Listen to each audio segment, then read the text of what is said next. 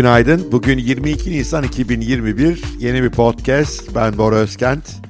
Bugün üzücü bir güncel gelişmeyi konuşacağız kripto pazar açısından. Todex isimli bir borsa maalesef batmış gözüküyor.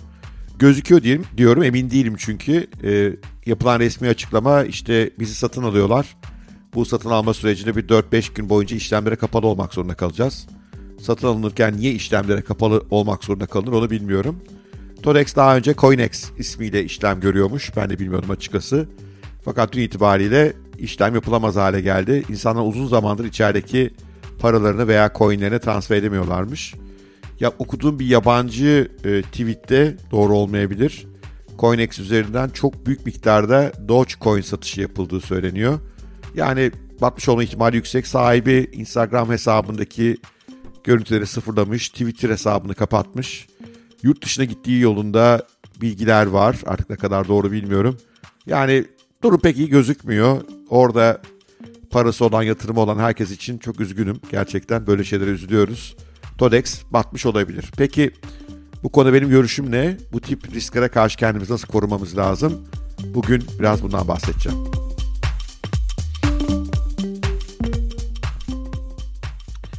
Şimdi öncelikle şunu söylemek istiyorum. Bu kripto borsalarında hiçbir güvenceniz yok. Hiçbirinde yok. Yani oraya aktarmış olduğunuz nakit paranın veya kriptonuzun korunacağına, saklanacağına dair hiçbir garanti yok. Devlet bu konuda hiçbir regülasyon çıkarmamış durumda. Bu kripto borsaları ne borsaya tabiler yani ne SPK standartlarına tabiler ne bankacılık kanunlarına tabiler hiçbir yere tabi değiller. İsteyen istediği gibi bir kripto borsası yaratabiliyor. Türkiye'de durum böyle. Dünyada da çok farklı değil. Yani bunun istisnası belki Coinbase olabilir. E, çünkü Coinbase e, Amerikan borsasında halka açık bir şirket. O yönüyle biraz daha denetlendiğini, e, kontrol edildiğini düşünebiliriz.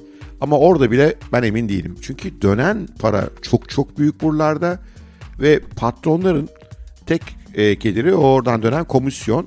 Kötü niyetli bir patronun o komisyonları boş verip orada dönen büyük kriptoya el koyması mümkün. Ve oradaki kriptolar sizin kontrolünüzde değil. Hani ünlü bir laf var. Not your key, not your crypto. Yani anahtarı elinizde olmayan kripto, private key dediğimiz bu kişiye özel anahtar elinizde olmayan hiçbir kripto sizin değil. O borsanın kriptosu o sırada iyi niyetle inşallah o işlemin sonucu size paranızı verecek diye bekliyorsunuz. Onun dışında hiçbir güvenceniz yok. Bu şirketlerin bir sermayesi yok. Bu şirketler battığı zaman alınabilecek bir şey yok. Maalesef Todex mağdurları da eğer Todex gerçekten batmışsa 5 kuruş alamazlar. Hani davalar açılacak vesaire ama muhtemelen Todex zaten kötüye gittiyse bu kriptoları yurt dışına kaçırmıştır. Ee, biliyorsunuz bunu saklamanın bin tane yolu var. Oradaki borsalarda şu anda onu nakite çeviriyor olabilir. Niyeti kötüyse Todex'in geçmiş olsun. Hiçbir kanun yok. Boşuna uğraşmayın bence. Yani ne yazık ki üzgünüm ama vaziyet bu. Peki bu durumda ne yapmak lazım? Yani şimdi bir yandan kripto almak istiyoruz. Çünkü geleceğe inanıyoruz ama bir yandan e, böyle borsa riskleri var. Yani borsa seçiminde daha dikkatli olmakta fayda var. Yani Todex benim ilk baştan beri pek içime sinmeyenlerden bir tanesi. Çok aşırı reklam yapıyordu. Biliyorsunuz bir ara Porsche e, hediye etmeye kalktı. Onu etti mi etmedi bilmiyorum çünkü noter e, huzurunda yapılan bir çekiliş değildi. Zaten kanun dışı oluyor benim anladığım kadarıyla o tip çekilişler. Ondan sonra böyle işte Türkiye'nin en meşhur manken kızlarına iç gıcıklayıcı kırmızı kıyafetler giydirip Ferrari'lerin üzerinde, Porsche'ların üzerinde pozlar verdirdi. Sonra e, Dogecoin hediye ediyorum dedi. Galiba kişi başı 150 civarında Dogecoin hediye etti. Onu alanlar en akılları, alıp kaçanlar. Yani bu kadar çok borsasına birileri çekmek için işlem yapan birisi ben çok güvenmem. Daha evvel bir dönüşüm var biliyorsunuz. Coinex'miş. Coinex'ten Todex'e dönüşmüş. Ben de okudukça öğreniyorum. O sırada yine hesaplar birkaç gün kapanmış. Yani böyle hani aslında açıkçası bir sürü alarm vermiş. Yani hani derler ya bedava peynir e, fare kapanında diye. Öyle bir borsa ki bu size bu oyuna bedava bir şeyler veriyor. Niye paranızı almak için, kriptonuzu almak için. O yüzden Todex pek güven vermeyen bir yermiş. Yani ben tercihan böyle çok reklam yapan, iletişim yapanları sevmiyorum. Daha sessiz sedadan, sedasız e, alttan giden, işte işini düzgün yapmaya çalışan borsaları seviyorum. Ama size maalesef bir borsa tavsiyesinde bulunamayacağım. Belki bazı kriterler verebilirim.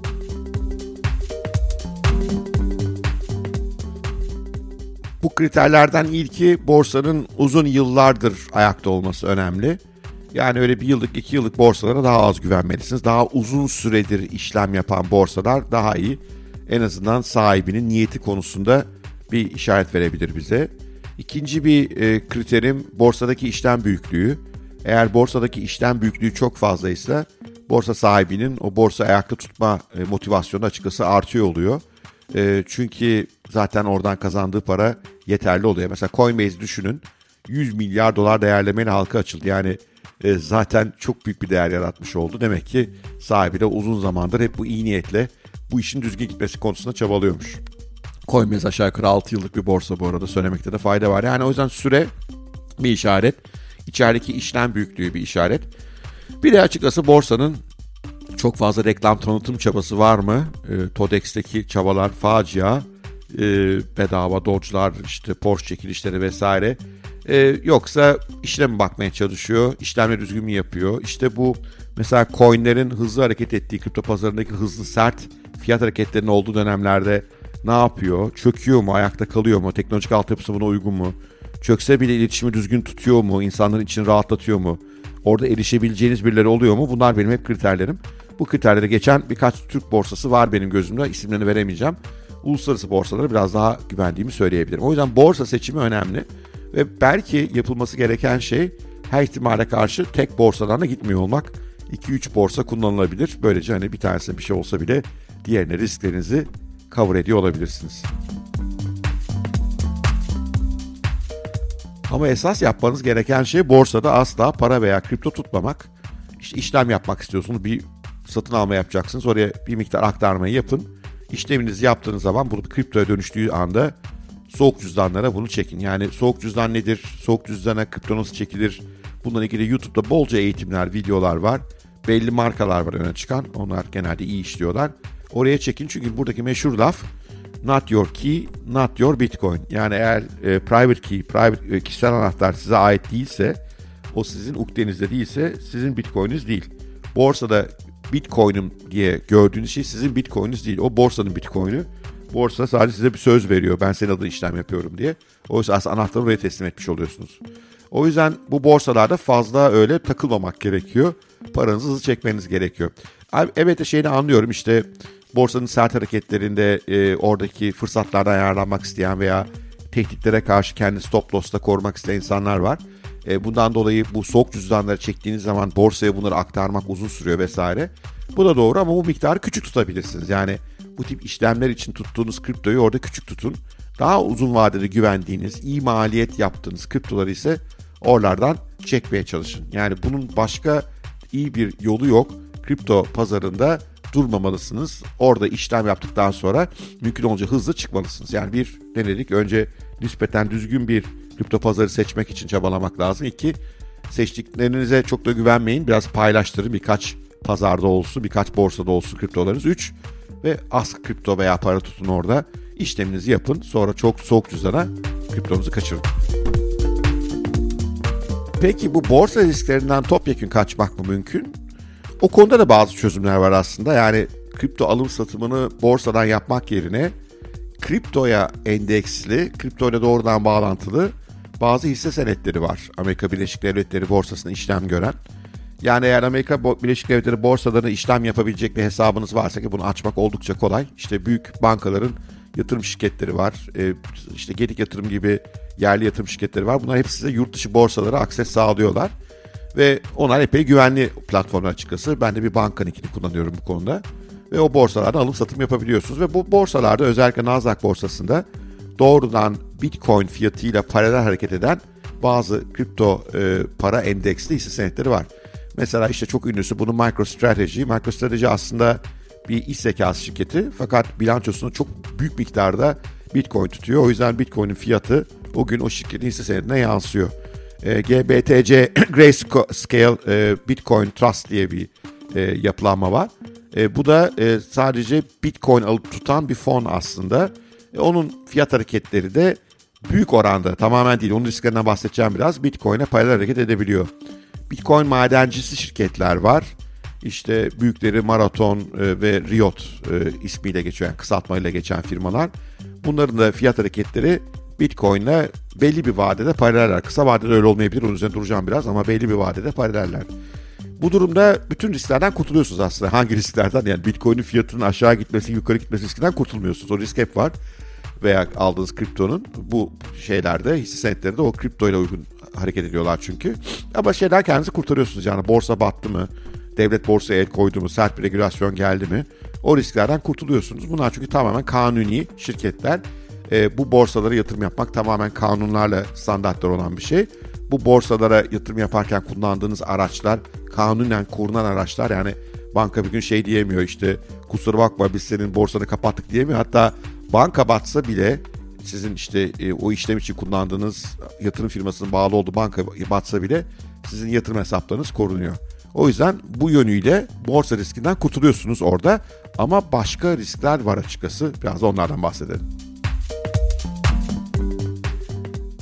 Tabii her şeyde bir risk var. Bu tip hisse senetlerine risk yatırım yapma da riskleri var. Birinci risk zaten kripto paradaki sert fiyat dalgalanmaları buna da yansıyor. Yani fiyat dalgalanması riskinden kendinizi kurtaramıyorsunuz. İkinci risk borsa saatleri. E, kripto pazarı 7-24 açık. Oysa bu hisse senetleri borsalarda işlem görüyorlar ve çalışma saatleri gün içerisinde. Mesela Amerikan Nasdaq borsası Türkiye saatiyle 4.30'da açılıp Türkiye saatiyle 11'de kapanıyor. Bunun dışında işlem yapamıyorsunuz. Yani gece çok sert bir satış geldiyse geçmiş olsun. Ertesi akşamüstüne kadar Türkiye saatiyle beklemeniz gerekiyor. Veya gece büyük bir alım fırsatı doğdu veya fiyat çok zıpladı satmak istediğiniz bunların hiçbirini yapamıyorsunuz. Ve maalesef bazen borsa açılana kadar o fırsatlar kaçmış oluyor. Veya o tehditler daha da sertleşmiş oluyor. Ve bunlardan mağdur olabiliyorsunuz. O yüzden mesai saati burada ciddi bir sıkıntı. Bir diğer risk e, bu hisse bunlar hisse senedi. Hisse senedi olduğu için bunlar birer şirket. Bu durumda bu şirketlerin dinamikleri bazen kriptonun dinamiğinden ayrılabiliyor. Mesela bir şirket e, hisse senedi e, tekrar ihraç edeceğim diyor. E, dilution yapıyor yani. E, bu durumda o gün kripto pazarı yükseliyor olsa bile o şirketin hisse senedi değeri düşebiliyor. Yani bu tip o şirketlere özgü riskler var. O şirketler de batabilir bu arada tabii ki. Onlar da biraz şirket sonuçta. Biraz daha zor. Hani bir borsanın kapanması kadar kolay değil. E, belli bir süreçte olur o. Onlar çünkü denetime tabi şirketler ama bu da olabilir. Ama onun dışında o şirketin performansı etkileyecek haberler olabilir. İşte hisse senedi çıkarıyor olması, CEO'sunun yanlış bir açıklaması, şirketin beklendiği kadar büyümüyor olması, performansı düşük olması yani geleneksel normal bir iş yapıyorsa oradaki performans düşük olması. Bütün bunlarda o şirketlerin hisse senedi değerini etkileyebilir ve ben bunu yaşadım birkaç kere. Kripto pazarı yükselirken işlem yaptığım şirketin değeri düştü veya bazen de tam tersi oldu. İşlem yaptığım şirketin değeri kripto pazarındaki yükselişten daha hızlı yükseldi. Yani bütün bunlar olası. O yüzden fiyat dalgalanması burada ekstra bir risk olarak devreye giriyor şirkete özgü olarak. E son olarak bu şirketler işlem gördükleri borsaların endekslerinden de etkileniyorlar.